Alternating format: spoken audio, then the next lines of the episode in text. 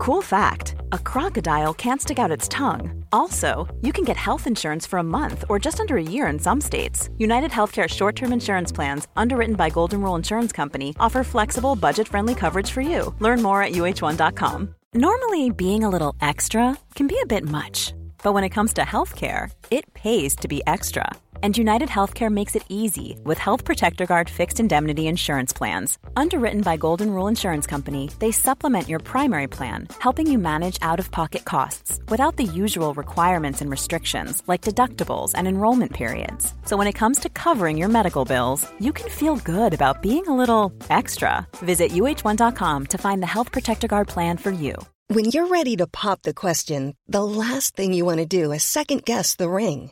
At Bluenile.com, you can design a one of a kind ring with the ease and convenience of shopping online. Choose your diamond and setting. When you find the one, you'll get it delivered right to your door. Go to Bluenile.com and use promo code LISTEN to get $50 off your purchase of $500 or more. That's code LISTEN at Bluenile.com for $50 off your purchase. Bluenile.com code LISTEN.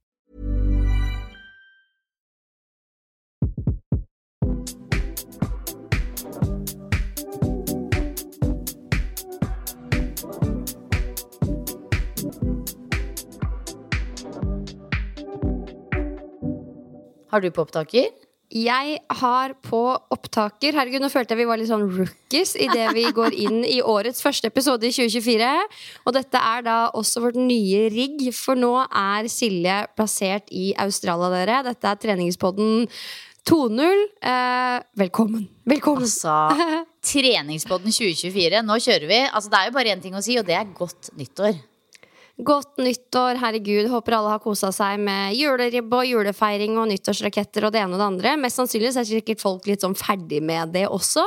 Og da kommer vi til utsetting og skal liksom tune deg inn på det nye året. Ja, det som er litt artig, er jo at denne episoden kommer jo faktisk ut dagen etter nyttårsaften. Sånn er året rigga opp eh, i år. Og det er jo liksom sånn at jeg håper på en måte at folk sparer den til tirsdag, hvis du skjønner. For den er så hard ofte, den der eh, første dagen i januar. Dagen etter nyttårsaften, liksom. Så kanskje dette blir en episode som man lytter til én eller annen gang i løpet av den første uka i januar. Ja, altså det er, det er, så viktig at alle forstår dette her. I likhet med 18. mai så er 1. januar en ikke-dag. Den eksisterer ikke. Eh, så det må alle bare huske på hvis du mot formodning hører på oss nå 1. januar.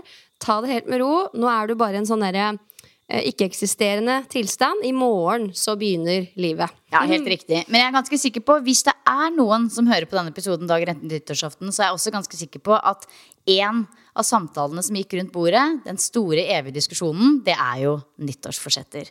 Og det er selvfølgelig også det vi skal snakke om i treningspodden denne uka her. Ja, altså vi kan jo ikke ikke gjøre det. Men jeg føler liksom, ja det er interessant, det der, for jeg føler det er blitt litt sånn, ikke tabu, men litt sånn det er så oppbrukt å snakke om det at folk nesten ikke bruker det ordet lenger. Hvis du skjønner. Altså Hvis noen spør sånn Hva er nyttårsforsettene dine i år? Så er, så er man sånn Nyttårsforsetter det er vel ingen som holder på med lenger. Det funker jo ikke. Ha, men, ha, ha. Men innerst inne. Folk har gitt opp seg selv litt. Men så er det der. inne.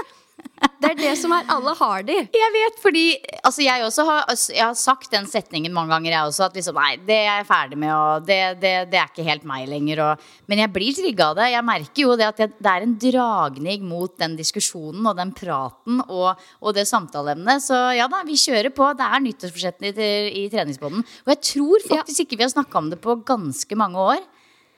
Oi, sier du det? Har vi styrt unna, altså? Vi har styrt unna, så det er på tide. Det er på tide. Ja, og det som er eh, Altså ja, nyttårsforsetter det er litt oppbrukt og litt sånn klisjé, og så er det mange grunner til det, som vi skal komme inn på i dag, sånn at du forhåpentligvis kan styre unna de på en måte fallgruvene.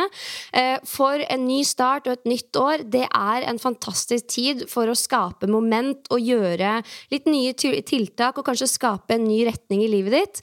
Så jeg har også lyst til at vi etter denne episoden her skal ha et litt sånn positivt syn på dette med nyttårsforsetter, fordi det er ikke noe å legge skjul på at de fleste av oss er i en litt sånn nå kjører vi på-tilstand mm. oppi huet etter en feiring. Og det ja, momentet kan man utnytte da, til å skape gode ting. Um, og det føler jeg blir litt borte, fordi folk er så vant til at det får jeg ikke til, det funker ikke, det er klisjé. Vi prøver å legge bort det litt nå, og så prøver vi å faktisk sette noen gode nyttårsforsetter som vi kan strekke oss etter, og som funker. Ja, enig. Altså, jeg er jo den derre ja, nå kjører vi-energien. Det er veldig deilig å være i den energien, så man bør jo utnytte den på best mulig måte. Og når det handler om nyttårsforsetter, så handler det jo veldig ofte om at det er noe man ønsker å starte opp med eller gjøre mer av, eller noe man ønsker å kutte ut.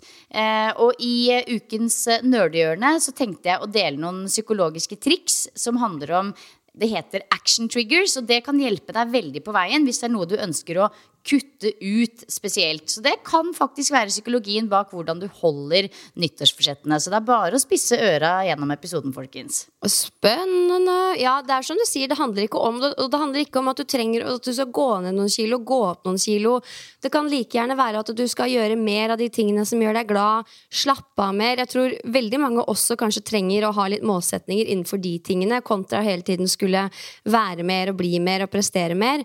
Så vi må også utvide boksen følelsen for hva nyttårsforsetter egentlig skal være. Det handler aller mest om å liksom ta kontroll over eget liv og se for seg liksom hva, hva vil jeg oppnå, hvem vil jeg være inn i det nye året, hva er det som får meg til å føle meg bra, og sette litt sine egne rammer og sin egen fasit framfor å bare ja, ja, da var det nyttår, og så bare er året i gang.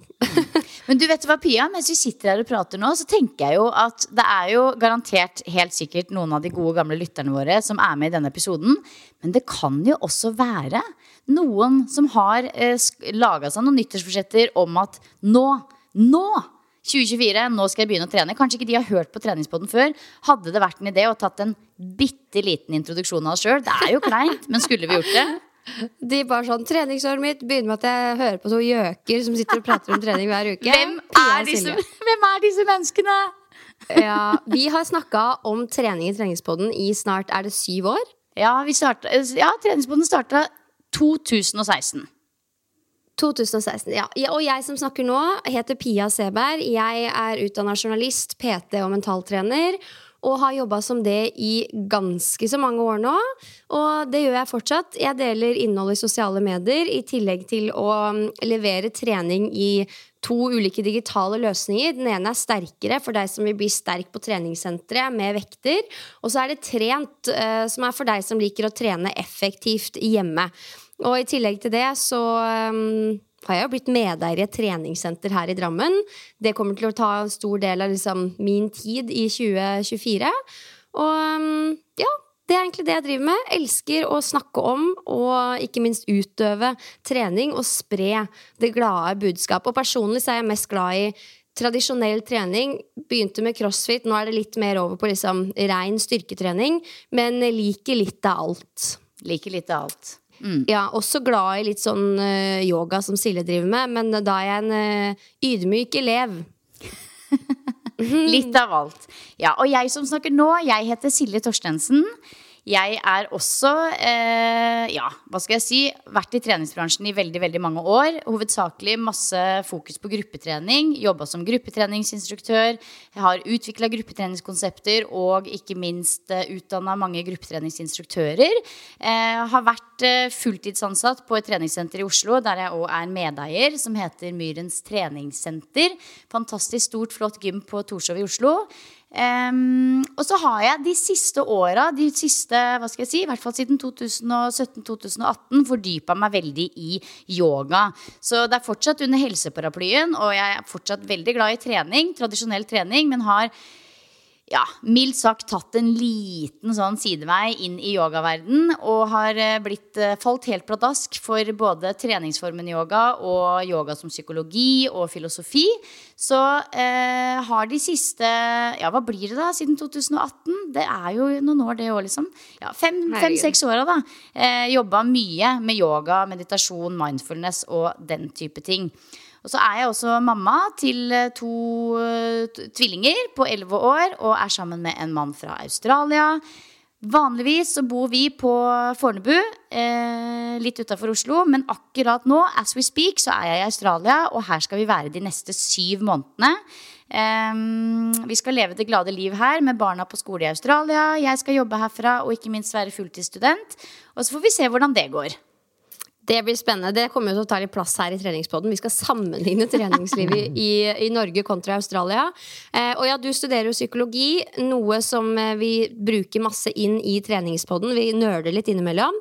Og jeg eh, tar videreutdanning innenfor eh, trening og kosthold eh, i regi av en fyr som heter Menno Henselmanns. da. Eh, Så jeg da spesialiserer meg litt på nettopp trening og kost, og Silje på psykologi. Og summen av det gjør jo at vi selv føler at vi har mye verdi å komme med inn i podkasten, fordi vi også hele tiden lærer noe nytt, og det er veldig gøy å dele med dere som lytter til treningspodden.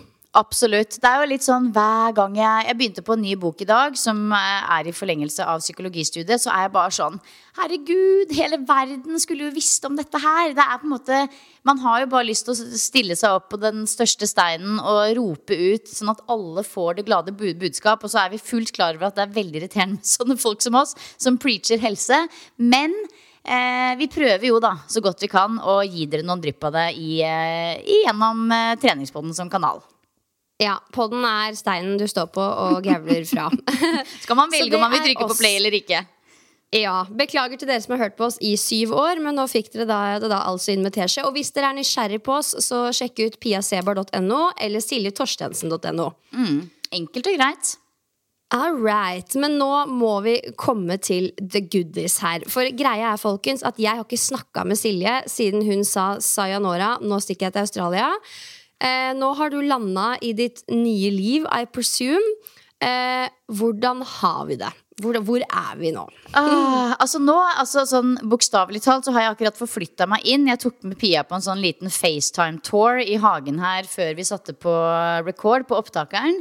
Men ja, vi er i Australia. Vi har vel vært her nå i en hva skal jeg si, jeg tror vi har vært her i en ti-tolv dager. Eh, kom jo ned eh, litt før jul og tilbrakte da en ukes tid med familien til Garth i Brisbane, der hvor de bor. Veldig sånn familiejul. Veldig mye mat og familie. Var du innom, og... var du innom Mululuba? Nei, var ikke der da. Var ikke der da. Var ikke det. Nå, det er veldig gøy. Jeg elsker når Pia kommer sånn her Ja, forresten, har du vært der? For Pia har nemlig også vært i, i Australia one time back in the day. Det var, da var jeg i Brisbane, men det er så sykt mye rare sånne stedsnavn. Husker jeg var så fornøyd når jeg klarte å lære meg Mululuba. Men eh, ok, fortsett. Sorry. Altså, grunnen til at det er så mye rare navn, er jo fordi det er veldig mye av altså, urbefolkningen i Australia. De har jo, altså, veldig mange av navnene stammer jo fra deres språk og deres kultur. Så det er mye rare og morsomme navn her nede. Det er helt riktig. Men ja, vi tilbrakte jul og familietid der. Men for ganske nøyaktig tre dager siden så kom vi til eh, Lennox Head, som er en liten kystlandsby på østkysten i Australia. Ca. 15-20 minutter utafor Barham Bay, for de som er kjent med det stedet. Eh, og det er Altså, her er det bare så nydelig. Vi har jo bodd der en gang før også. Eh, det er veldig sånn Easy-going vibes, kan du si. Eh, a whole lot of eh, chill factor. Eh, det er veldig sånn liten, eh, søvnig kystby eh, med fantastisk natur. Eh, nydelige strender, kjempefine kyststier og fine løpemuligheter. Eh, og her bor vi i et stort hus eh, med en hund som kommer med huset. Hun heter Stella. Nydelig. eh, Hun ser litt skummel ut. Ser ut som en litt sånn der killer clown, egentlig. Litt sånn rar eh, kamphundmiks. Men hun er tolv år, gammel dame og verdens kuleste sjel. Eh, Så jeg er jo bare så forelska i hun Men det, det, ja, Hun kommer jeg sikkert til å snakke mye mer om etter hvert. Men er veldig, altså, vi føler oss veldig hjemme her. Det er en stor platting på utsida med masse muligheter for å trene og sparke fotball for ungene og kose seg. Vi har sitrontre i hagen, vi har banantre i hagen. Eh, det er masse palmer rundt hele huset her, og masse nydelige dyrelyder og fuglelyder. Og vi kjenner virkelig at ok, her skal vi bare sette oss ned, lande og bare være i syv måneder. Og det kjennes 1000 riktig ut. Herregud, det er, det er altså så sjukt. Jeg er så gira på dine vegne. Eh, og så, og så, du viste meg jo Den hagen deres var monstersvær. Det var på en måte først en gigahage som så ut som en fotballbane. Og så var det en svær sånn terrasse. Der hvor du hadde ditt eget treningshjørne. Er det sånn nå at du kommer til å kun trene hjemme med kettlebells og henge i palmene og liksom slenge deg fra tre til tre, eller hva tenker du? Altså, det var, altså, jeg har vært så usikker på dette her. Eh, på om jeg skal liksom kjøre full sånn bare liksom home gym og yoga og løping og Men vet du hva? Jeg meldte meg inn på det lokale gymmet i år. I går. I går. Hun, hun gjorde det. Hun Jeg gjorde det. det. Mm. Og gjett hva det heter. Eh, body built. Ja, nesten. Surf Fit Gym. Oi! Ja? Ja, det er jo veldig beskrivende for hva man sikkert ønsker å oppnå når man Ja, og det var sånn jeg, jeg har virkelig vært mange runder. Altså, jeg har jo fått litt press på hjemmebane her også. Litt sånn åh, ta en chillpill, liksom. Nå er vi i Australia. Kan du ikke bare surfe og løpe og kose deg, liksom? Men jeg, nei, jeg må liksom inn i aircondition og løfte på disse litt tungere vektene innimellom. Så, og det er et veldig fresht og flott gym. Det er veldig varierende kvalitet på treningssentrene i Australia, er min erfaring. Men akkurat dette gymmet er veldig stort, fresht, masse nytt, digg utstyr. Eh, og absolutt ikke noe billig heller. Det var eh, dyrere enn det du betaler for et medlemskap i Oslo. Og, det, det, da, og da ble jeg litt sånn ja!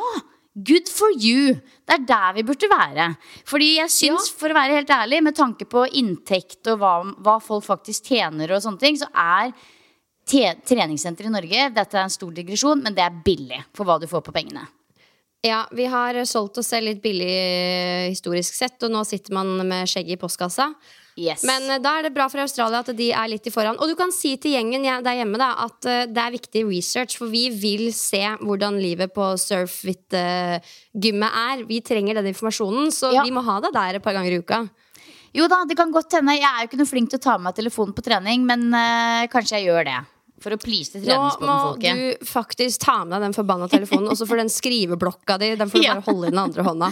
Ja, vi får se. Um, Nei, men det Men var er, jeg har tenkt litt på jeg, jeg, bare si det, jeg bare tenkt litt på det i jula. For jeg følger jo nå Altså jeg følger jo sterkere og, og er veldig sånn dedikert til uh, trening med utstyr og vekter. Og når jeg var på fjellet nå, så det er liksom to motsetninger. Det er ofte litt sånn at Hvis du følger et sykeprogram med vekter, så sitter det litt le- lenger inne og kjører kroppsvekt styrke, selv om du vet at når du kommer i gang, så er det bare sånn Woho, this is the shit, Ja. og det er beinhardt.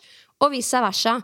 Så um, Ja, man må- kan jo helt kan jo helt fint kjøre begge deler, men det er bare litt sånn noe med tankegangen og Det er en rar greie, egentlig. Ja, det er en litt rar greie. Og så tror jeg også for min del så handler det litt om at jeg har Jeg trente jo veldig spesifikt opp mot dette muscle up-målet i 2023, noe som gjorde at jeg liksom jeg, jeg føler at jeg liksom er som en sånn hest som har blitt holdt igjen og holdt igjen og holdt igjen, og nå endelig skal jeg ut og galoppere. Jeg har så lyst til å bare trene liksom mange repetisjoner eh, og, og, og, og litt sånn seig volumtrening, og ikke bare disse liksom veldig, veldig nerdete terpeøvelsene i ringer som jeg har holdt på med i en evighet. Jeg skal fortsette å vedlikeholde det 100% men jeg kjenner at jeg liksom Jeg craver faktisk en litt annen type styrketrening nå, og derfor så blei det naturlig å melde seg inn på et gym.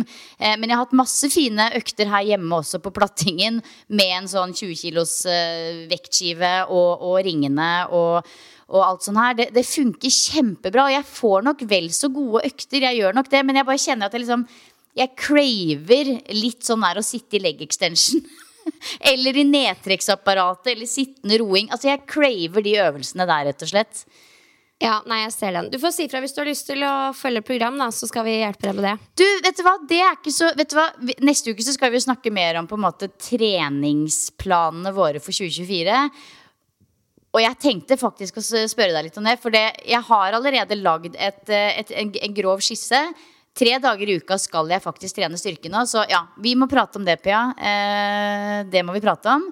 Eh, men jeg tenkte jeg må også bare si en ting i forhold til det gymmet jeg har meldt meg inn på, som jeg aldri har sett i Norge før, som var en veldig sånn motiverende greie. De har veldig mye, så tips til alle som driver treningsstudio. Eh, De har veldig mye sånne challenges hele tiden som er eh, De har rett og slett gjort avtaler med lokale bedrifter i området her. Hvor liksom, hvis du f.eks. er flink og trener to ganger i uka i en så og så lang periode, så får du en gratis massasje. Eller et gavekort på en restaurant. Eller skydiving. Eller De har gjort masse liksom, gode avtaler med lokal business som de på en måte har som en sånn del av sånne motivasjonskampanjer. da Eh, og det er jo også en veldig fin måte å bli kjent med lokalmiljøet for oss som er nye her. Eh, på mange måter Men, men, men jeg syns bare at det var en litt sånn motiverende greie. At eh, det er ikke sånn derre Tren eh, så og så mange ganger på så og så mange dager, så får du en sekk med logoen på treningssenteret. Men faktisk, du får liksom en 90 minutters massasje eller Ja, jeg syns det var litt kult. Absolutt. Det tar jeg med meg. Som nå som jeg skal øh, Altså, Adrenalin skal jo vinne annet Drammen nå i 2024. Ja. Og kanskje en sånn ting er noe å, å satse på, ja. For man ønsker jo virkelig å dyrke lokalmiljøet, skape nye connections og skape et miljø.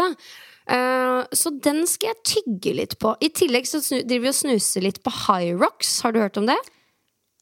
High Rocks. Nei. H-i-r-o-x. Nei.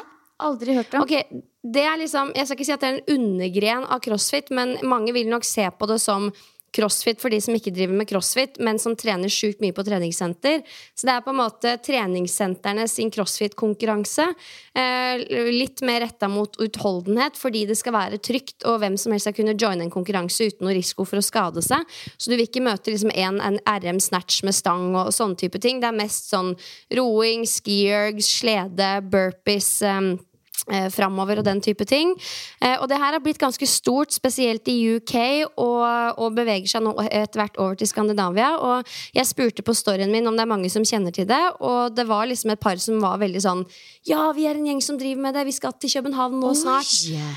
Ja, så jeg driver og snakker litt med Hyrox om, eh, om hvorvidt liksom, hvordan det funker, og hvordan vi kan ta eierskap til det. Så sjekk ut det til neste gang, så kan vi drodle litt. Vet du hva, Det skal jeg sjekke ut, men er det på en måte et slags sånn lisensiert konsept som man betaler for? Eller er, det, er man med i en organisasjon, eller Ja, det er det jeg prøver å finne ut av. Og, men du kan jo bare kjøre Hyrox-inspirert trening uansett, sikkert. Men jeg ønsker jo at vi kanskje skal eh, ta eierskap til det her eh, i Norge på adrenalin. Jeg synes Det virker som en veldig kul måte å programmere trening på. Og det er litt det samme som med crossfit. At du får Du er blitt på en måte en del av et lag og en greie som mange skjønner hva er. For det tror jeg er mye av koden som crossfit har knekt. At det er veldig sånn Jeg var på den økta i dag, og ja, det veit jeg hva det handler om, for det er det samme som jeg driver med. Det er litt det eh, jeg ønsker. Så det er nok noe lisensiering og noe greier. Jeg driver og snakker med de. Eh, så det er spennende. Det syns jeg er veldig spennende. Det er Vet også det at det jeg er- syns den treninga ser jækla kul ut. Ja, det er veldig spennende. Og det, det, en annen ting som er veldig gøy altså Adrenalin skiller seg ut som treningssenter fordi dere har disse racksa Hva skal vi kalle det? Det er ikke Hin hinderløyper. adrenalinriggen og hinder Jo, det er hinderløype òg. Og at Ja. det er Ninja Warrior-type Ja. muligheter For trening. dette her har jo jeg fortalt til deg før, Pia, at Ninja Warrior er jo ekstremt stort i Australia. Så hvis det er én ting ungene ser på på TV her, så er det jo Ninja Warrior-konkurranser. Det går overalt hele tiden. Og det er liksom store superstars. Alle vet hvem de er. Det er junior, det er kvinner og det er menn. Og det er, det er kjempestort. Men vi gjorde noe veldig gøy for litt siden, og det var eh, bare et par dager etter at vi kom til Australia, så hadde jo barna bursdag. Og da kjøpte vi eh, inngang til en sånn eh, Ninja Warrior-park i vann. Eh, og det var så sykt gøy. Fordi jeg er jo litt pinglete. Jeg er jo litt redd for sånn jeg er veldig redd for å skade meg, så hvis jeg er med på noen sånn hinderløpegreier, så, så er jeg liksom superforsiktig, for jeg er så redd for å skade meg.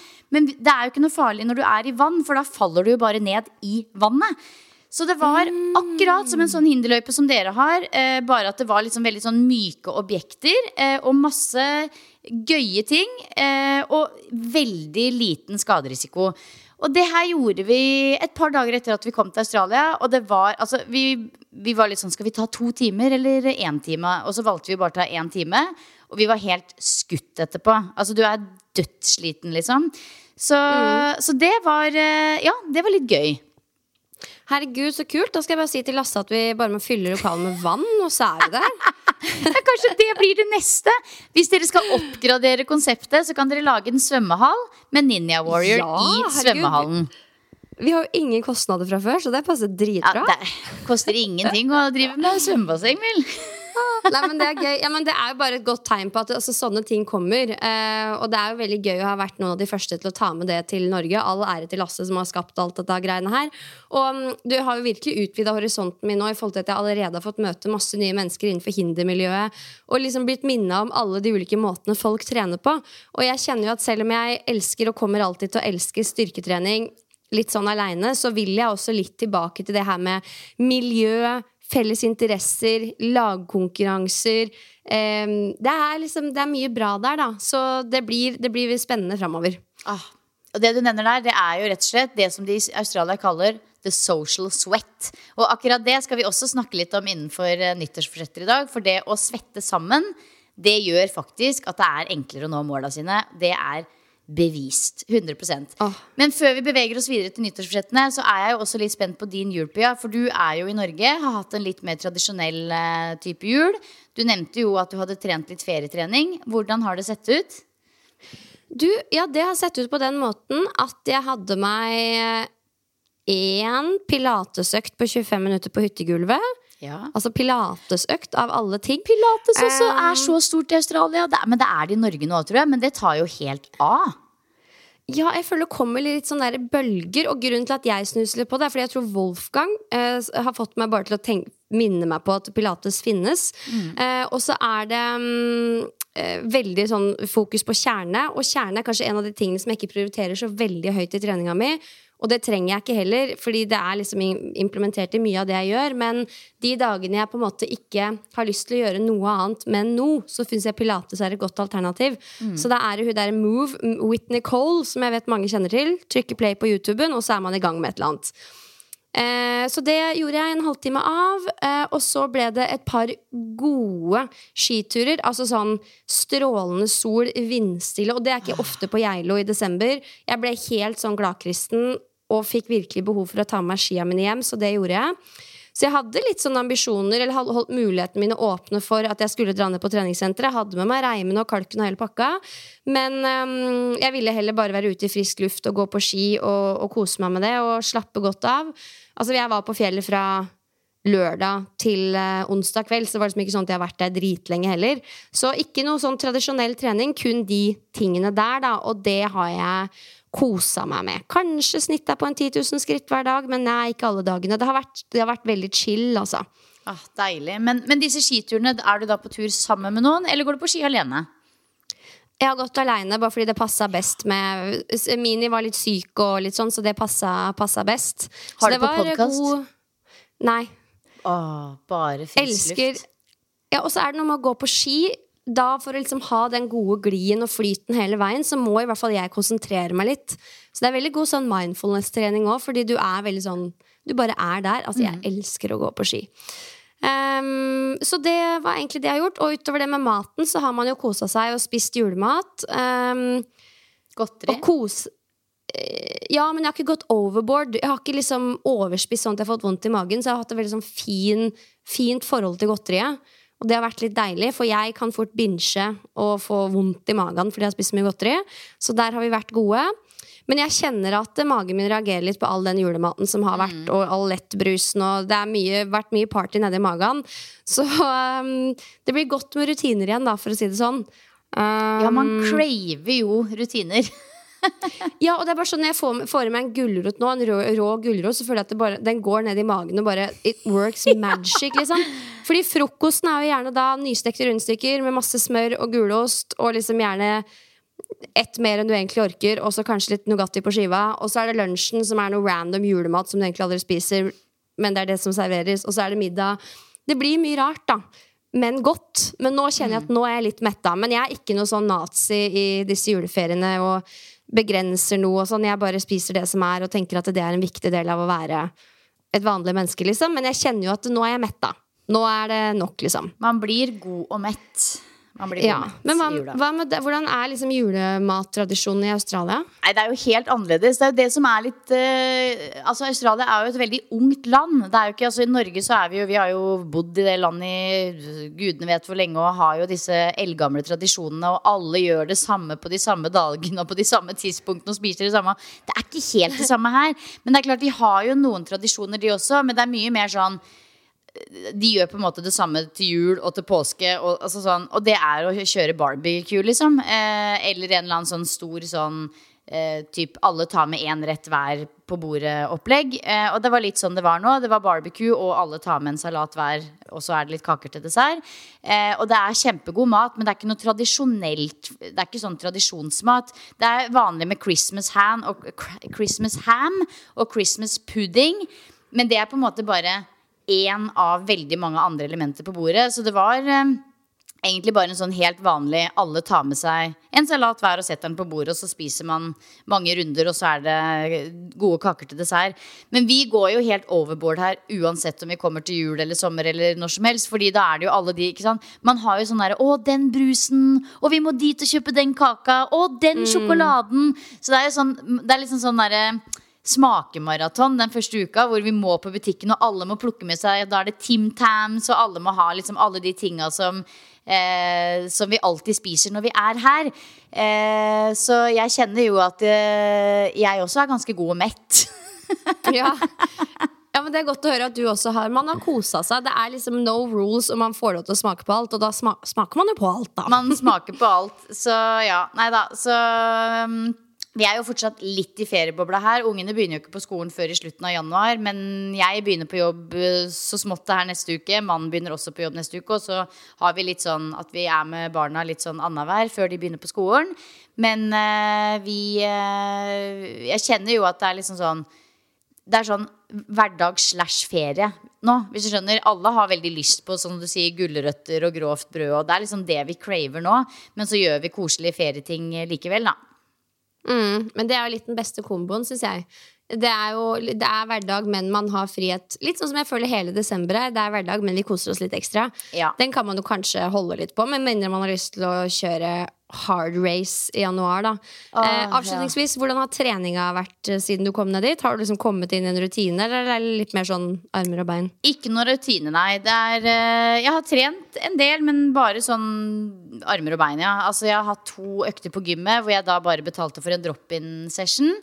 Og da kjørte jeg på med ordentlig tung styrketrening, eh, og det var digg. Og så har jeg hatt mange løpeturer ute som også bare har vært sånn ja, I dag kjørte jeg faktisk en intervalløkt, men bortsett fra den så har det bare vært sånn ut og jogge litt og se litt rundt og ikke sant. Bare en sånn grei liten økt i rolig tempo. Og så har jeg kjørt et par økter på plattingen eller på verandaen her ute med denne 20 kilos vektskiva. Så det er sånne Jeg tror ikke jeg har trent det, det har vært mange økter på mellom 30 og 40 minutter, på en måte. Bare sånn kjapt og gæli før ungene våkner, eller, eller, eller vi har hatt noen fellesøkter her også. Vi har jo disse ringene, så vi driver og har sånn family pullup-konkurranse.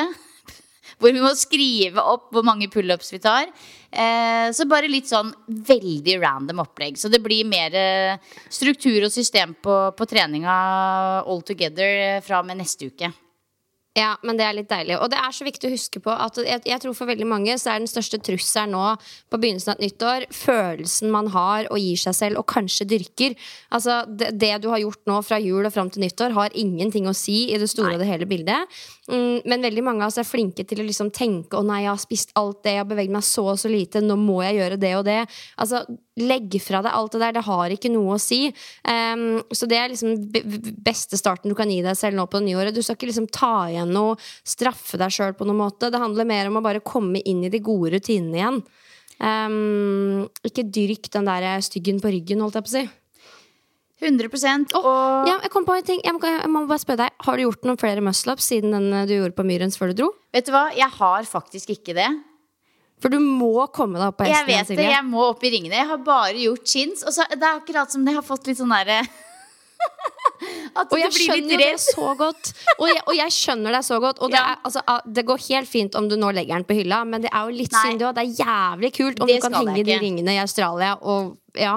Nei, jeg skal ikke det. Og jeg har jo tenkt på det hver gang jeg har drivet og hengt i de ringene. Sånn, det er jo bare å prøve. Men så bare kjenner jeg sånn Nei, jeg blir så skuffa hvis jeg ikke klarer det. Så Jeg har jeg bare tenkt sånn Jeg må komme over den der eh, feriemoduskneika. Eh, og liksom litt inn i sånn der hardcore. For jeg føler jeg er også litt sånn der bom, Jeg er i sånn der bomullståke. Sånn der, alt er litt sånn Ja, ja, ja, det går fint. Beveger meg i sakte tempo. Jeg er ikke i sånn der prestasjonsmodus akkurat nå.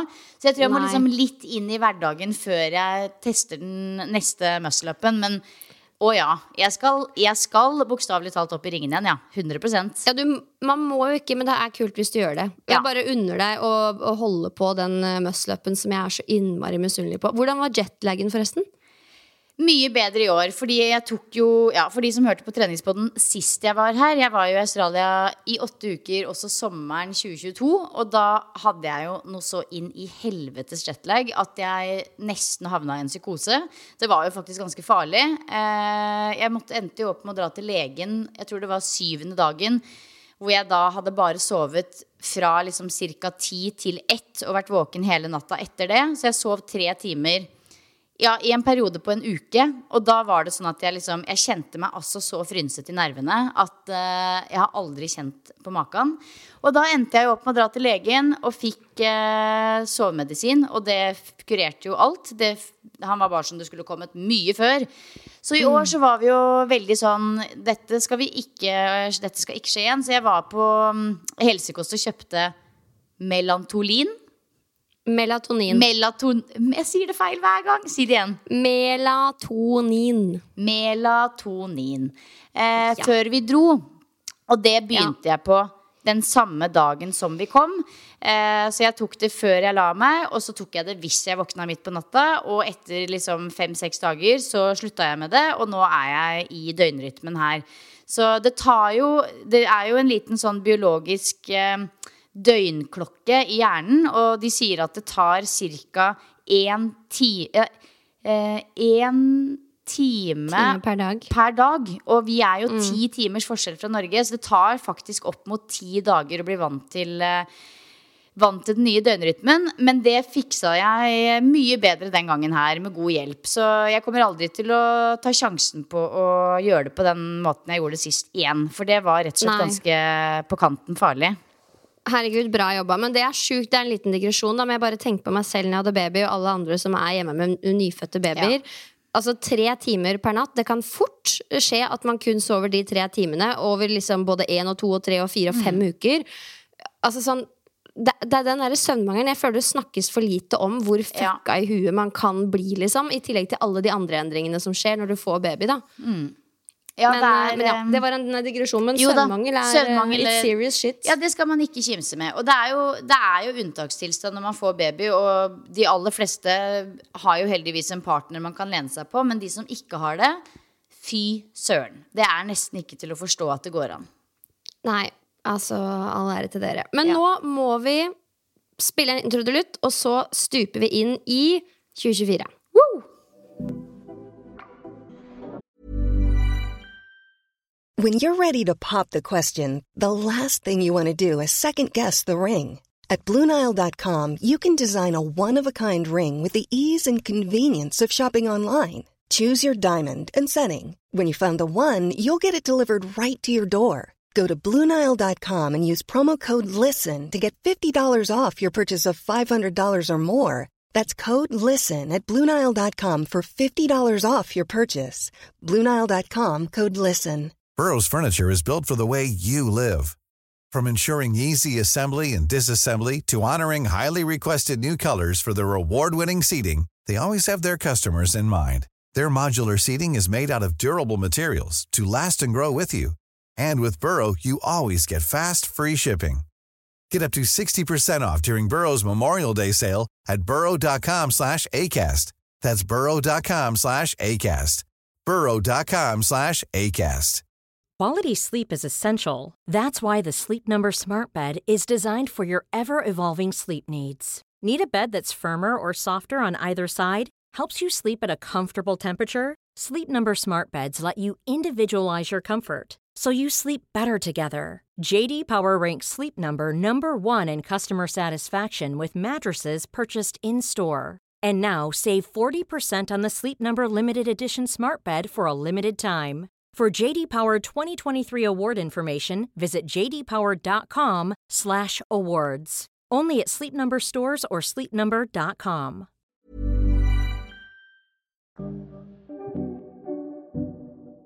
Alright. Det er jo litt sånn at uansett om du elsker eller hater nyttårsforsetter, så er starten på et nytt år en god anledning til å gjøre endringer som man ønsker seg i livet sitt. Og det er jo litt sånn Det er jo ikke de, noen er jo litt mer sånn monotome og ja da, jeg vil bare leve livet mitt akkurat sånn det er hele tiden, ikke gjøre noen endringer. Men de aller, aller fleste av oss, de har jo perioder hvor de er litt sånn ah, du, dette her har jeg faktisk uh, Dette her vil jeg, eller dette her vil jeg ikke, og nå kjører vi. Ja, og det er veldig naturlig. Altså, vi mennesker er jo skapt fra evolusjonens side til å ønske en endring eller fremgang og utvikling. Jeg føler mange kan få en litt sånn dårlig samvittighet for at de ønsker å endre noe. Eh, men det skal du ikke ha i det hele tatt, fordi det er eh, noe veldig naturlig og medfødt for mennesket. Så mm, vi må bare balansere det på en god måte og sørge for at du har noen gode mål, eller i hvert fall en retning som gir deg en form for glede. At du kjenner i magen at åh, oh, dette er kult å prøve å få til. Samtidig som man setter pris på der man er, og det man er. Men mm. det er ingenting i veien for å ønske å bli en bedre utgave av seg sjøl, enten det er å gjøre noe eller ikke gjøre noe. på en måte. Ja. Og de typiske liksom, topp tre eh, klassiske nyttårsforsettene handler jo om nummer én å ønske å være mer fysisk aktive eller begynne å trene. Nummer to at man ønsker å gå ned i vekt eller å spise sunnere. Og nummer tre og den er fin. Å stresse mindre. Og så er det også nå eh, Jeg leste en artikkel eh, i Ja, samme det. Eh, at det, er ikke usannsynlig at nå i 2024 så kommer det også et uh, nytt segment inn om eh, at mange ønsker nå i dyretid å også ha liksom improve health, men også improve economy. Så det er også en sånn ny greie inn nå. Men eh, det er ikke usannsynlig at det samme gjelder nå, at folk ønsker seg disse tingene. Mer trening, mer aktivitet, spise sunnere, stresse mindre og improve economy. Mm. Og hvorfor tror vi at uh, dette er de tre tingene som troner øverst på lista? Eller hvis vi begynner med mer fysisk aktivitet, trening, gå ned i vekt. Hvorfor er det øverst? Jeg drister meg til å si år etter år etter år etter år. Mm. Det er jo the big question. Det er jo, det er jo jeg Ja, go, go, go first. Nei, jeg spurte deg, så du skal få lov til å svare først. Nei, altså, jeg tror det handler veldig mye om at de aller fleste av oss vet så inderlig godt hva som egentlig gjør oss vel. Og så velger så veldig mange å ikke gjøre de tingene allikevel. Og det skaper en sånn ikke en sånn god følelse i magen, en litt sånn ekkel, eh, ekkel uro i magen. Fordi du handler på en måte som du vet ikke er bra for deg. Og så kommer det et nytt år. Det er ny mulighet. Nå blar vi over, over til et nytt kapittel. Nå kjører vi. Eh, og så handler det nok også om at den der eh, liksom litt kanskje inaktive jula og litt ekstra mye mat gjør at du får ekstra mye motivasjon i det å starte opp. Men jeg tror nok at det er noe som veldig mange går liksom jevnt over året rundt og kjenner at åh, jeg skulle jo egentlig gjort dette fordi jeg ville følt meg så mye bedre. Og så velger man likevel å la være. Ja, Så det det handler om, er jo på mange måter for oss som fagpersoner, i hvert fall, men også det som lytter på treningspoden, som vi vet at er påvirkere i liksom deres miljøer og vennegjenger og familier, er jo kanskje å hjelpe folk til å ha litt mer trua på at dette her kan du få det til, og brekke det opp til liksom så små ting at det er noe enkeltindividet tror på at det kan jeg få til. Kanskje. Men mm. samtidig så har man jo også lært at dette her er opp til enkeltmennesket. Du kan ønske det så mye du vil for familie, venner, gudene veit hva. Men hvis man ikke inni seg sjøl kjenner at 'nå gjør jeg det', så kommer det ikke til å skje. Og det har jeg brukt lang tid på å innse og akseptere. Men det er nå en gang sånn. Ja, og så er det jo sånn at det er liksom akkurat som at alle står ved startstreken i starten av et nytt år, og man er på ekte skikkelig motivert og tenker at jo, men nå gjør jeg det. Men så vet man jo, altså jeg har sett på litt sånn statistikk i forhold til liksom hvor lang tid det tar før folk slutter, altså bryter nyttårsforsettene sine. Og det er jo ikke lange bolken, og det er jo helt sånn Det er veldig enkelt å se også, spesielt når det gjelder dette med trening, at januar og februar det er smukk, smukkfullt. Det er venteliste på alle gruppetimer. Det er fullt omtrent fra, fra, fra, åpning, fra det åpner til det stenger. Primetime koker det, og så dabber det av i mars-april. Og det gjør det hvert eneste år.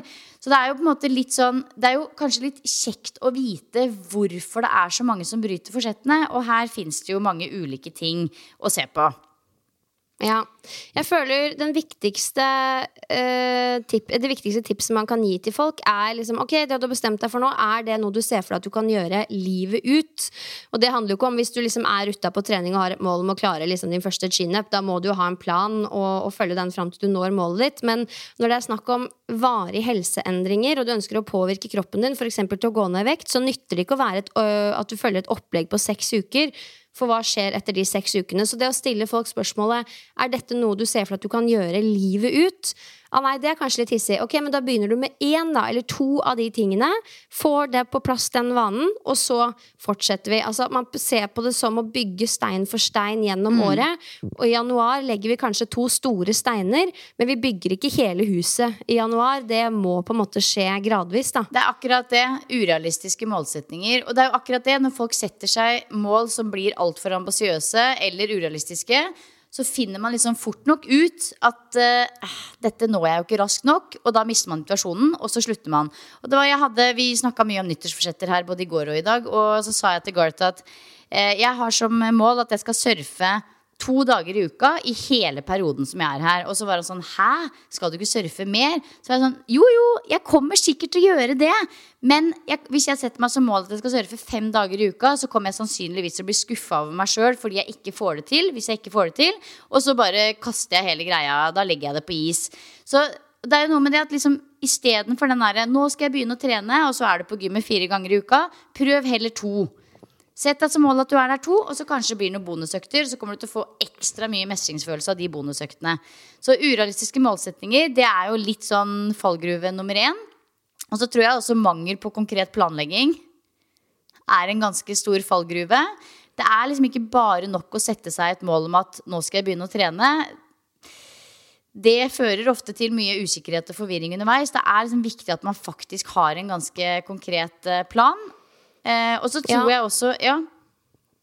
Ja, altså Det er jo ofte tre uh, spørreord som dukker opp. Det er uh, hvorfor skal du gjøre det, hva skal du gjøre, og hvordan skal du oppnå det. Og jeg føler at Hvis du kan klarer å svare på de tre spørsmålene uh, rundt en plan og et fokus som du legger f.eks. fram til påske, da, så har du kommet relativt langt. I hvert fall mye lenger enn mange som bare er sånn ja, ja, jeg skal trene masse og spise sunt. Altså, Hva er egentlig det for deg? Nummer én, Det kan gjøres på 100 forskjellige måter. Og nummer to, det som er mine utfordringer oppi det hele, kan være noen helt andre enn det Silje kjenner på. Så svare på hvorfor, hva og hvordan, og også, litt som du sier, Silje, undervurdere seg sjøl. Og det høres så fælt ut, for vi er vant til at liksom, du skal ha hårete målsetninger. Men min erfaring er at det ikke funker, verken på vanlige folk eller på meg sjøl, fordi det blir ofte for mye. Og dette her kommer jo i tillegg til alt mulig annet i livet. ikke sant? Så målet i seg selv er jo å klare å få til de små tingene. Eh, fordi det er kun en liten brikke i resten av puslespillet som vi kaller livet og hverdagen, som forventer masse av oss. Ja, og apropos eh, livet rundt.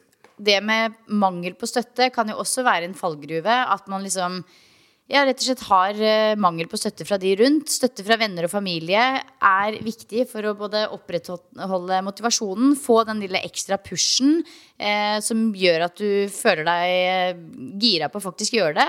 Eh, og uten støtte så er det mye, mye, mye større sjanse for at du faktisk bare gir opp. Ja, og vet du hva? Det testa jeg litt ut i jula. Ubevisst, bevisst, jeg vet ikke. Men det jeg snakka om før, jeg var overvektig som barn. Har det da litt sånn genetisk i meg at jeg overspiser, spesielt i ferier. Man er med familie, man kjenner seg trygg, man blir liten igjen. Det er fort gjort å komme tilbake til de litt dårlige vanene. Og ikke, det, ikke at det er noe krise, men man føler seg aldri noe bra når man overspiser på godteri på en måte som ja, ikke kjennes bra ut, da. Eh, Så jeg sa til kjæresten min og fortalte han om dette her, at når jeg kommer i dette hyttemiljøet, det er ferier, så kommer jeg fort i situasjoner der hvor jeg ikke har det noe bra, i form av f.eks. For at jeg spiser altfor mye. Eh, nå vet du om det. Jeg har ikke delt så mye med han om det før, fordi jeg skammer meg litt over det, tror jeg. Jeg syns det er litt sånn flaut. Men nå var jeg ærlig med han om det, og liksom ikke ikke følg med på meg, det var ikke det jeg sa i det hele tatt. Men liksom, jeg tror det hjelper meg å be accountable når jeg har delt det med deg. Og vi snakka ikke så veldig mye om det, men jeg bare visste at siden jeg hadde delt det med han, og han var litt med meg på det, så hjalp det meg til å løse det på en bedre måte. Så det er jo ett eksempel på For jeg tror mange kan skamme seg litt og gå med en sånn følelse inni seg at ja, nå skal jeg litt ned i vekt, men jeg vil ikke si det til noen. Det skal være min greie. Jeg tror at man må tørre å være litt åpen om det, spesielt med de som er rundt deg daglig, for da kan de Nummer én, de tar det på alvor. Og nummer to, de kan hjelpe deg litt på en god måte og, og støtte det og gi deg litt mer pondus i det du har bestemt deg for, da. Ja, Det er veldig fint. Jeg tror veldig på det. Og det er jo noe med det at hvis man er tør å være bitte litt sårbar og ærlig, så får man jo overraskende mye støtte. Så, og bare det å vite at noen andre vet, hjelper også veldig.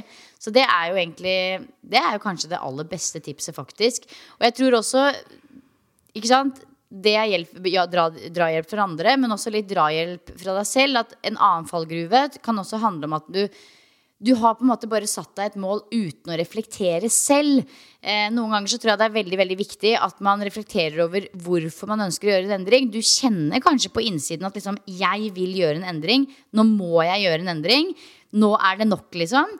Eh, men du har ikke reflektert helt over hvorfor det er så viktig. Og hvis ikke målet er personlig eller meningsfullt nok, så er nok også sjansen mindre for at du klarer å opprettholde innsatsen selv om du liksom kjenner at dette er noe du vil, så vet du kanskje ikke helt hvorfor. Så mm. refleksjon, kjempeviktig. Ja, fordi eksempelvis oss to, da. Jeg føler at alt det, alt det, du gjør, er utrolig meningsfullt og viktig, og det snakker vi mye om. Og jeg backer det 100 og jeg er jo veldig liksom med deg på din reise. Og da kan jeg fort begynne å tenke at ja, jeg må gjøre mye av det som Silje gjør. Nå skal jeg meditere daglig. Og for all del, det kunne vært kjempebra for meg, men det er nok ikke noe jeg klarer å ta eierskap til, bare fordi det er mer noe jeg har henta og latt meg inspirere av fra Silje.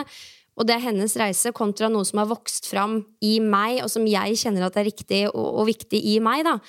Eh, så det å reflektere litt over det og liksom prøve å skille ut hva som er hva, hva kommer utenfra, og hva er det som kommer innenfra, og hva er viktig for deg å prioritere nå. Mm. Eh, ja, mindfulness kan være kjempeviktig, men kanskje er det bare det å komme seg på treningssenteret to ganger i uka som er det viktigste.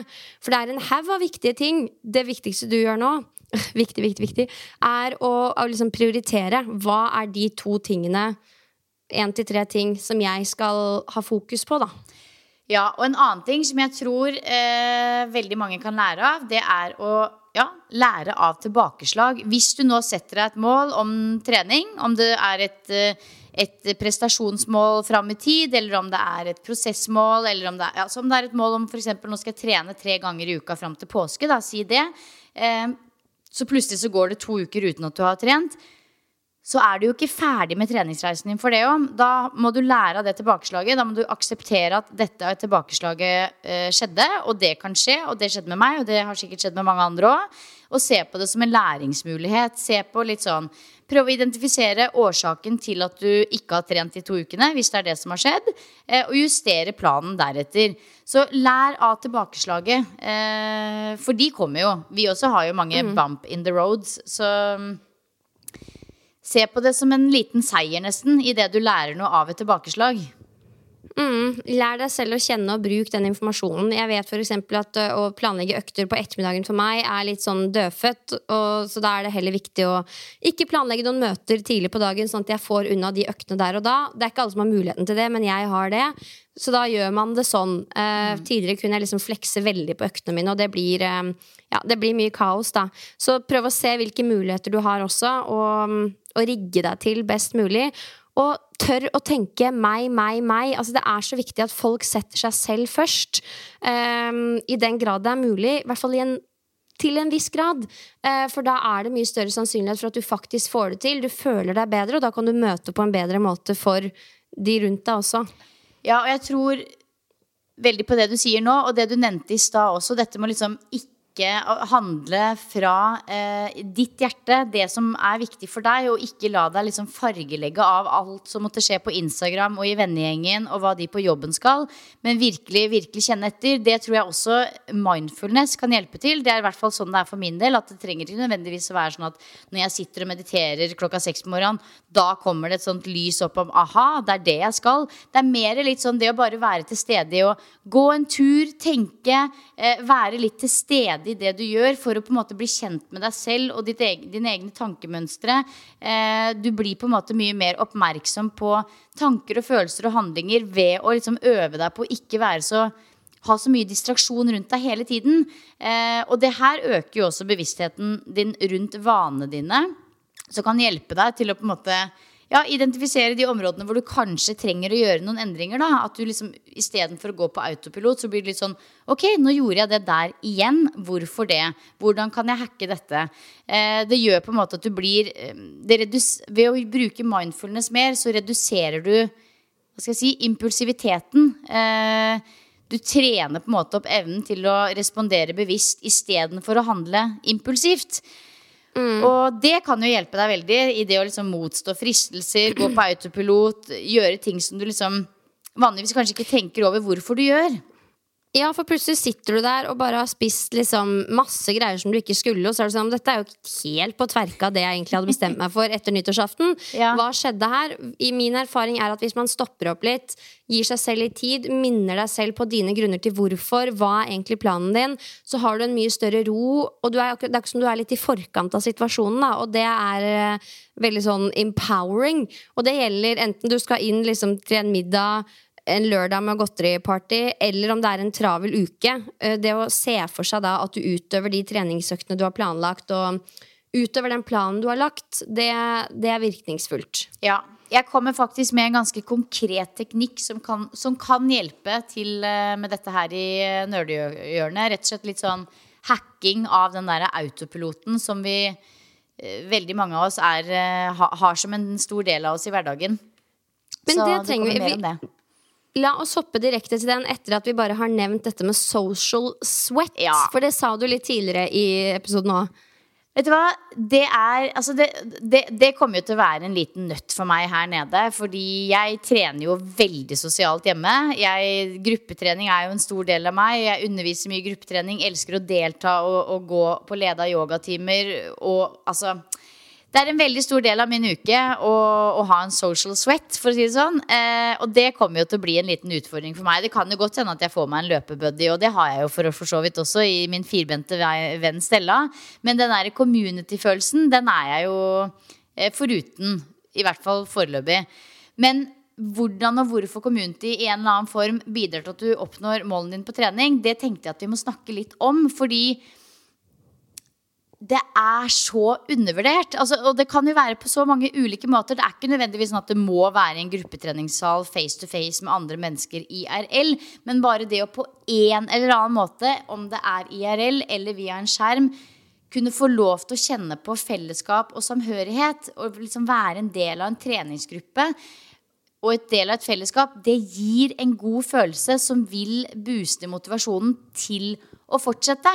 Eh, Det å ha et felles mål, være en del av noe større, det er jo igjen dette med sosial støtte. Og det å liksom kunne være en del av en gjeng som oppmuntrer hverandre, deler erfaringer, motiverer hverandre når det blir utfordrende. Og ikke minst dette med ansvar og forpliktelse. At du liksom har noen å møte opp for. Det er noen som faktisk legger merke til det hvis du skipper økta. Det tror jeg jo også er kjempeviktig og undervurdert. Absolutt, og det har man jo sett også med, i takt med at digital trening vokste fram eh, etter eh, koronaen. Jeg tror altså God programmering, gode trenere, alt det der er kjempeviktig. Men jeg tror også det at du er en del av et opplegg som forventer noe av deg. Det er andre mennesker som viser fram hva de har gjort, og de gjør samme opplegg. Jeg tror det er sinnssykt virkningsfullt.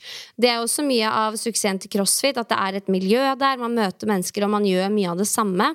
Så eh, et enkelt mål kan jo være å liksom tenke at jeg skal knytte meg til et eller annet sånn treningssamfunn på den ene eller andre måten, enten om du skaper det selv eller melder deg inn et sted hvor det står sterkt.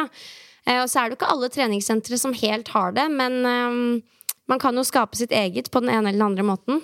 Ja, Og så er det dette med konkurranseelement. Det er jo veldig aktuelt for dere på adrenalin, kan jeg tenke meg. Hvis det er litt sånn at man skal liksom se hvor fort de andre har gjort hinderløypa. Og ja, konkurranseelementer, rett og slett. Det er veldig mange mennesker. Jeg er ikke en av de, men det er en del. Jeg bor i en familie der hvor tre av fire er, blir veldig trigga av konkurranse.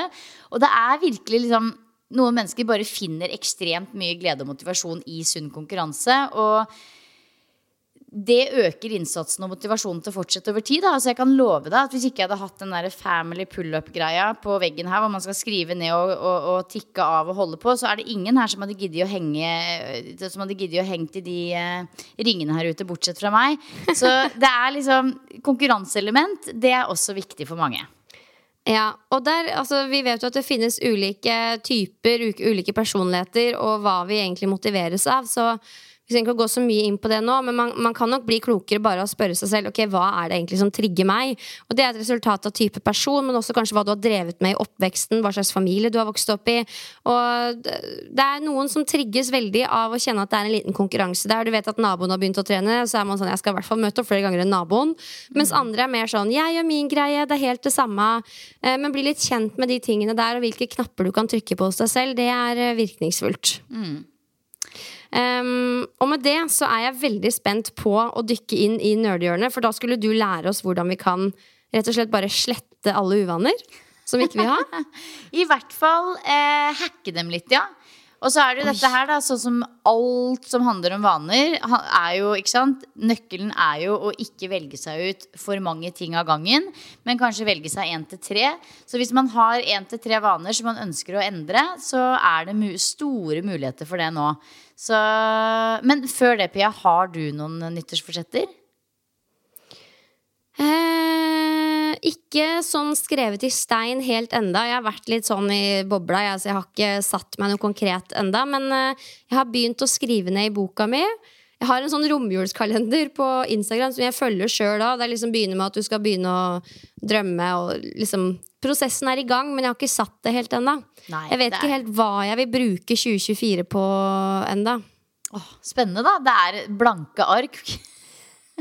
ja, altså mye skal jo fortsette som før, men jeg må, jeg må alltid sette en eller annen rett retning. Ja. Eh, både, jeg deler det inn i sånn jobb, privat, trening, eh, litt ulike arenaer. Og så prøver jeg å holde det enkelt på hver arena. Og det it's a work in progress. Ja, Hva med deg? Det er veldig spennende. Det kan vi jo egentlig snakke mye mer om neste uke når vi skal snakke om treningsåret vårt. Eh, mer konkret.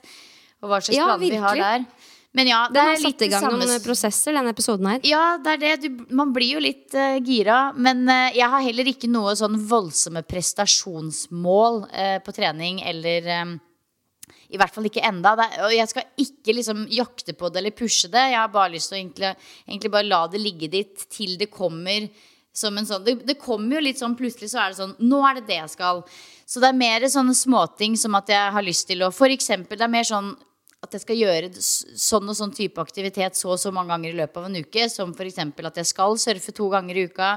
Jeg skal gå dypere i meditasjonspraksisen min. Kan, det kan jeg snakke litt mer om en annen gang. For det er kanskje der jeg skal legge mest eh, krutt eh, og mest kapasitet. Og det blir den største endringen. Men eh, ingen prestasjonstrening som på trening eller ellers foreløpig. kommer til å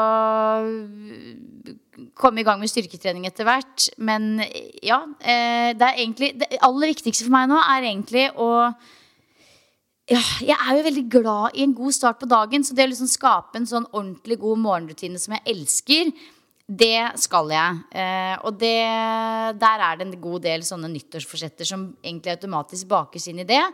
Og så merker jeg jo at det blir på en måte litt mer fokus på det blir mer sånn felles mål og felles nyttårsforsetter for oss i år enn bare meg. Eh, mindre meg og mer oss. Det er litt sånn Vi har snakka om at vi har lyst til å eh, Når jeg har snakka med de om at jeg skal fordype meg mer i meditasjonspraksisen min, så sier de vi vil være med, så nå skal vi ha felles familiemeditasjon på lørdager, f.eks. Eh, vi skal Eh, vi holder på med sånn, vi starta med det når vi kom hit. Eh, takknemlighetsdeling hver dag til middag. At alle deler én ting som jeg er takknemlig for i dag. Eh, så det blir litt mer sånne små sånn, bare sånn krydder i hverdagen som går mer på fellesskap enn bare meg. Men jeg kommer nok helt sikkert til å dyrke meg ganske greit etter hvert òg, altså. Så det kommer. Ja. Det kommer. Er det en fasttelefon jeg hører? Nesten. Jeg måtte ha Gard sin telefon ved min side her i tilfelle jeg fikk dårlig nett. For jeg er altså så i bobla enda, Pia, at jeg har ikke skaffa meg internett på telefonen min. Eh, jeg har bare norsk SIM-kort, men det skal på plass, altså. Det skal på plass. Men jeg har liksom Jeg tenkte telefonen... på det, for jeg drev og gjorde noe yoga av deg på, på hytta, og så tenkte jeg sånn, kanskje jeg skal legge ut en reklamepost om det her, for nå er Silje helt off, og det stresser meg litt at hun ikke får ut noe. ja, men det, det er liksom det, jeg, har ikke, altså, ja, jeg, har ikke, jeg, har vært helt off. Eh, jeg har vært eh, litt på Messenger og snakka med familie, liksom, eh, i løpet av jula, men ikke noe annet enn det. ja, men det er jo helt supert. da That's why we love you. Og ja, du må fortsette med det. Men neste uke så er jeg tilbake igjen på telefonen, altså. Men uansett. Uh, ja. Um, vi deler mer om våre nyttårsforsetter neste uke. Uh, så prepare for that. Og kanskje du også som lytter kan bruke da um, uka til å reflektere litt. Liksom Første uka i januar er litt sånn reflekteringsuke. Så møtes vi alle neste uke for å lande det. Ja. Og da trenger vi den øvelsen du skal dele nå. Og Det er akkurat det. Altså Nyttårsforsetter, treningsmål, hvordan treningsuka vår ser ut, Pia. Jeg er spent på din. Eh, ja, hvordan treningsplanen ser ut, rett og slett. Og kanskje også snakke litt om treningsplanlegging. Eh, det blir jo naturlig i den episoden som kommer neste uke. Mm. Spennende.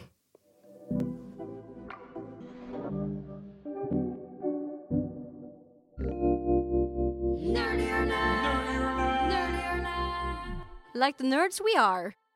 Action triggers, eller på godt norsk handlingsutløser, det er en eh, psykologisk eh, teknikk eller metode som eh, fungerer spesielt godt hvis det er en vane du ønsker å endre eller kvitte deg med.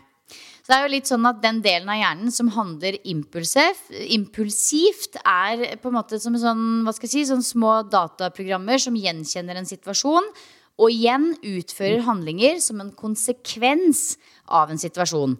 Så det er litt sånn Hvis jeg ser dette, så gjør jeg dette.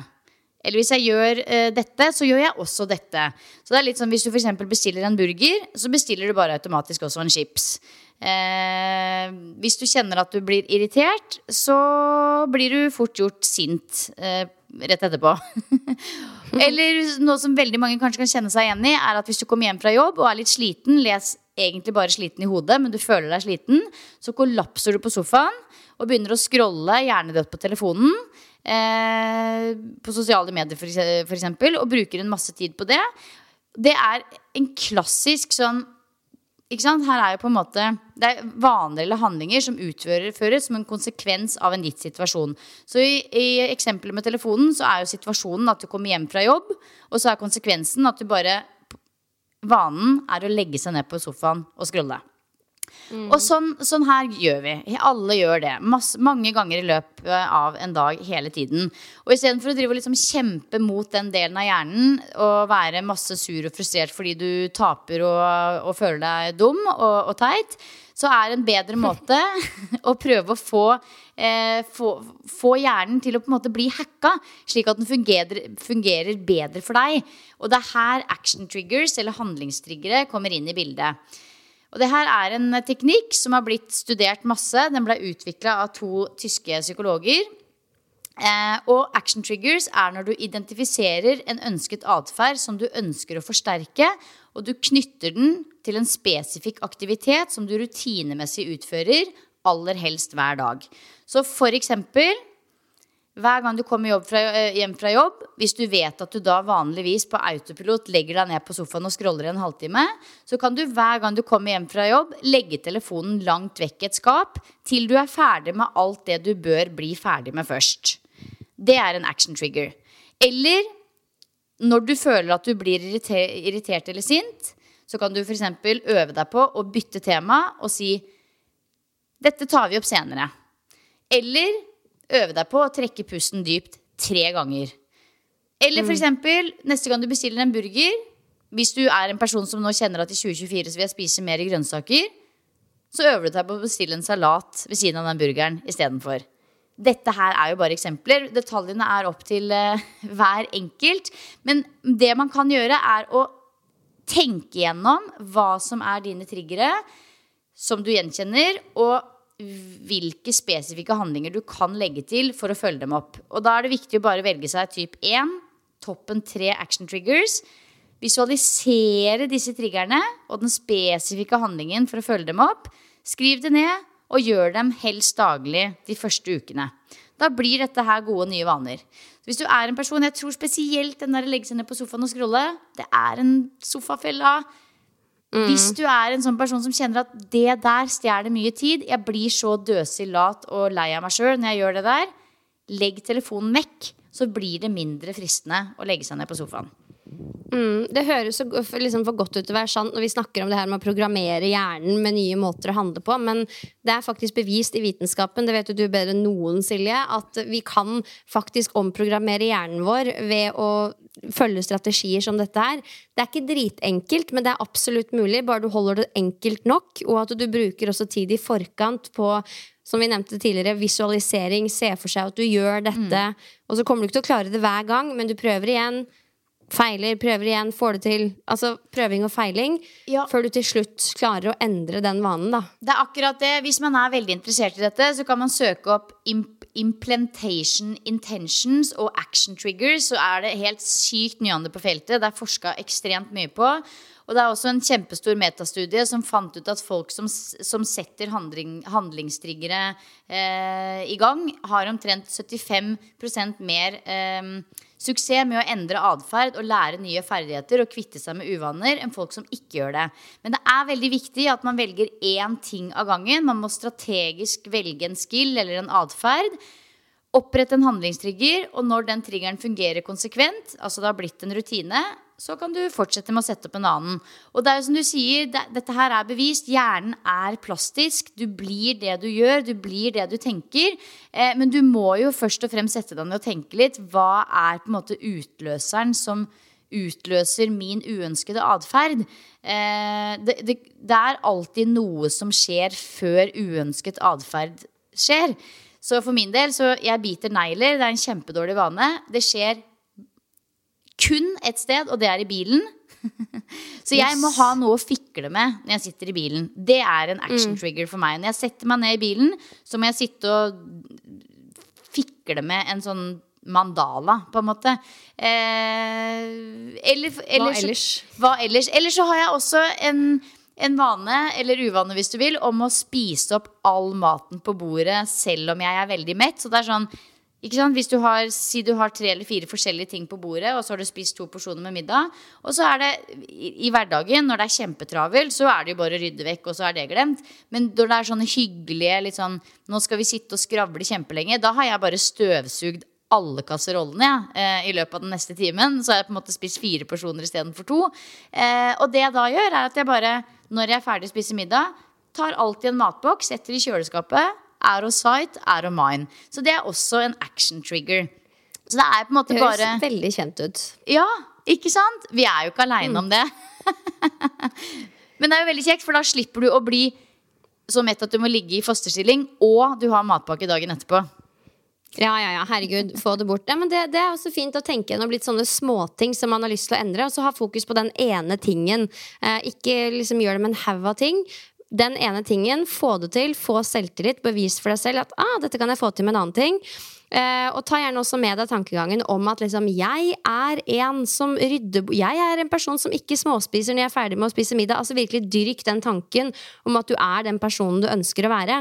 Mm. Møt opp som den personen du ønsker å være om et halvt år og et år fram i tid.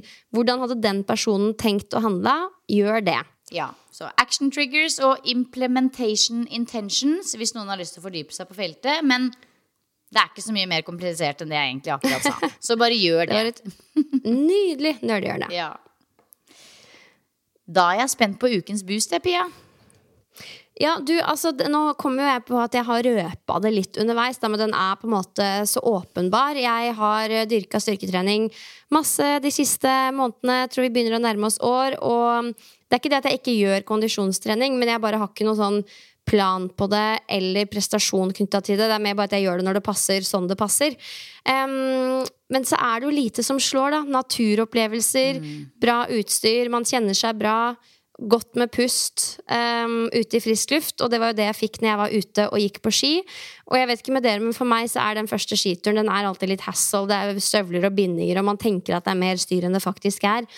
Så, så glad man blir når man da kommer seg ut og kjenner på den friske lufta og er i bevegelse. Sola skinte i trynet mitt, tråkkemaskinen kjørte i forveien.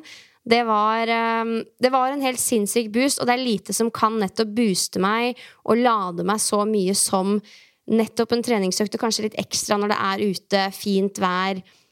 Og den lille kondisjonsøkta, det gjør jo noe med deg. Altså det, det, skaper et eller annet. Da. Så det var en kjempetydelig boost. Det var nesten sånn at jeg felte en tåre på veien der, liksom, for det var så Det var så ålreit, og det er jo Det er også veldig motiverende, fordi det minner meg på hvor viktig det er å ha god helse og ha tilgang på de opplevelsene der. Og jeg får lyst til å fortsette. Og så ble jeg også positivt overraska over at formen min er ikke halvgæren. Jeg har jo tidene mine. Jeg går samme rute stort sett hele tiden på Geilo, så jeg har mange tider å sammenligne med. Og det er veldig fascinerende hvordan du kan holde deg på relativt samme nivå uten sånn målretta kondisjonstrening. Det var også litt sånn ålreit. Men det var en veldig tydelig boost fra min side. Vet du hva, Det å være tett på naturen, det er jo ingenting som kan sammenligne seg med det. Nei, det er uh, it's, uh, it's, powerful. Hva med deg? Hva, herregud, du, hva, hva er din boost? Ja, altså jeg tror det må være bare sånn all over. Det er sikkert mange som kan kjenne seg igjen i dette med FOMO, fear of missing out. Jeg har jo et lite snev av det, og jeg har på en måte vært nesten litt sånn bekymra for at jeg kom til å kjenne litt på det når jeg er her. At det er litt sånn åh, nå er vi her, og nå, det, nå skal det skje, og nå skal de i gang med det, og jeg skulle vært der, og men det kjenner jeg at det er det ikke et snev av i denne kroppen, i hvert fall ikke nå. Og jeg tror ikke jeg kommer til å kjenne så mye på det heller. Jeg kjenner at jeg er veldig på plass der jeg skal være. Og det er nok både fordi at jeg er på plass der jeg skal være, men men jeg tror også at dette med liksom å pause telefonen over en litt sånn lang periode, eller lang og lang, ti dager eller whatever uten telefon, gjør at man på en måte får en bekreftelse på at jo mer du bruker telefonen, jo mer avhengig blir du av den, og motsatt. Når du ikke bruker telefonen på noen dager, så kjenner du virkelig ikke noe behov for å se på den i det hele tatt. Eh, og det bidrar også til en litt sånn sterkere opplevelse av at jeg er akkurat her jeg skal være, og alt er på stell. Eh, og jeg tror det er litt av det som på en måte er litt eh, Hva skal jeg si? Vi er jo litt sånn der jagete begge to, Pia, deg og meg. Det er fort gjort når man liksom jobber med utvikling og mentaltrening og alle disse tingene, at man øker sin egen kapasitet hele tiden. Og så bidrar det til at du kan gjøre enda mer, og det er gøy. Men så glemmer man litt bort at det enkle ofte er det vi trenger aller mest. Og det er det jeg kjenner nå, at jeg liksom har lyst til å liksom skape et liv her nede i denne perioden hvor jeg ikke hele tiden trenger å være i forkant. Litt sånn mindre stress og mer harmoni. Eh, og det kjenner jeg er veldig riktig. Mm. Og det riktig. overgår på en måte det fear of missing out, alt det jeg går glipp av. Mm. Var poenget mitt. Det er vakkert. Ja. Det var poenget Det er uh, no FOMO. Altså, jeg har aldri slitt noe spesielt med FOMO, men jeg uh, kjenner jo en del mennesker som gjør det, og det er jo slitsomt, så jeg unner deg den roa du har nå. Ja, det er deilig. Så, så det gjelder å hele tiden bare øve seg da, på å være content. Ja. Og at mm. det er powerful å være til stede nå med barna dine, med mannen din, være her og nå, ikke tenke hele tiden at ja, jeg må jo gjøre det for å sikre det og det i framtiden, men bare være. Bare være. Mm. Så ja. Åh, det er slitsomt å være så smart. det tar på å være så smart. Men vet du hva, Pia? Jeg tror vi skal runde av. Ja, vi er jo to treningsgjøker som sitter her og skravler og deler jo egentlig bare mye av det som vi vet at dere tenker på og har inni dere. Kanskje med litt ekstra kompetanse. Vi håper jo på det. Mm. Men vi håper det oppleves som en god miks av å snakke med to kamerater som kan litt ekstra om det vi alle er interessert i.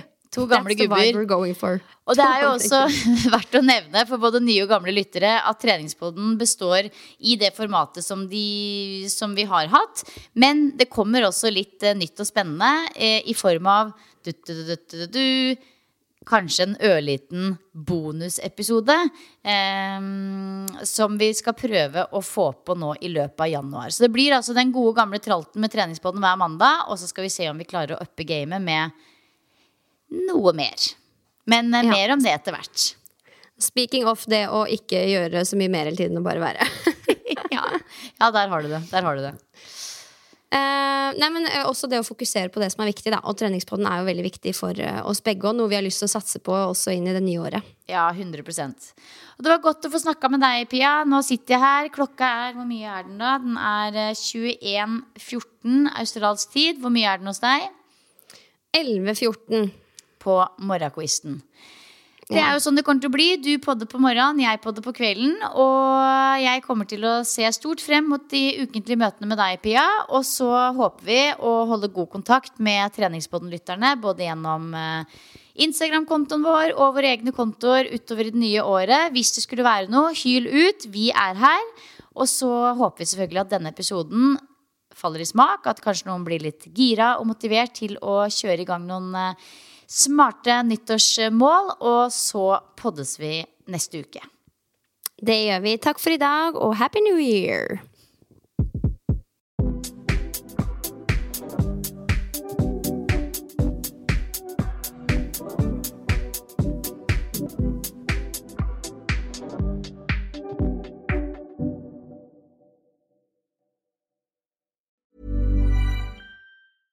Mom deserves the best, and there's no better place to shop for Mother's Day than Whole Foods Market. They're your destination for unbeatable savings, from premium gifts to show-stopping flowers and irresistible desserts. Start by saving 33% with Prime on all body care and candles. Then get a 15-stem bunch of tulips for just $9.99 each with Prime. Round out Mom's menu with festive rosé, irresistible berry chantilly cake, and more special treats. Come celebrate Mother's Day at Whole Foods Market. A lot can happen in the next three years. Like a chatbot may be your new best friend. But what won't change? Needing health insurance. United Healthcare Tri Term Medical Plans are available for these changing times. Underwritten by Golden Rule Insurance Company, they offer budget friendly, flexible coverage for people who are in between jobs or missed open enrollment. The plans last nearly three years in some states, with access to a nationwide network of doctors and hospitals. So, for whatever tomorrow brings, United Healthcare Tri Term Medical Plans may be for you. Learn more at uh1.com. Flexibility is great. That's why there's yoga. Flexibility for your insurance coverage is great too. That's why there's United Healthcare Insurance Plans. Underwritten by Golden Rule Insurance Company, United Healthcare Insurance Plans offer flexible, budget friendly coverage for medical, vision, dental, and more. One of these plans may be right for you if you're, say, between jobs, coming off your parents' plan, turning a side hustle into a full hustle, or even missed open enrollment. Want more flexibility? Find out more about United Healthcare Insurance Plans at uh1.com. Planning for your next trip? Elevate your travel style with Quince. Quince has all the jet setting essentials you'll want for your next getaway, like European linen, premium luggage options, buttery soft Italian leather bags, and so much more. And is all priced at 50 to 80% less than similar brands. Plus, Quince only works with factories that use safe and ethical manufacturing practices. Pack your bags with high-quality essentials you'll be wearing for vacations to come with Quince. Go to quince.com slash pack for free shipping and 365-day returns.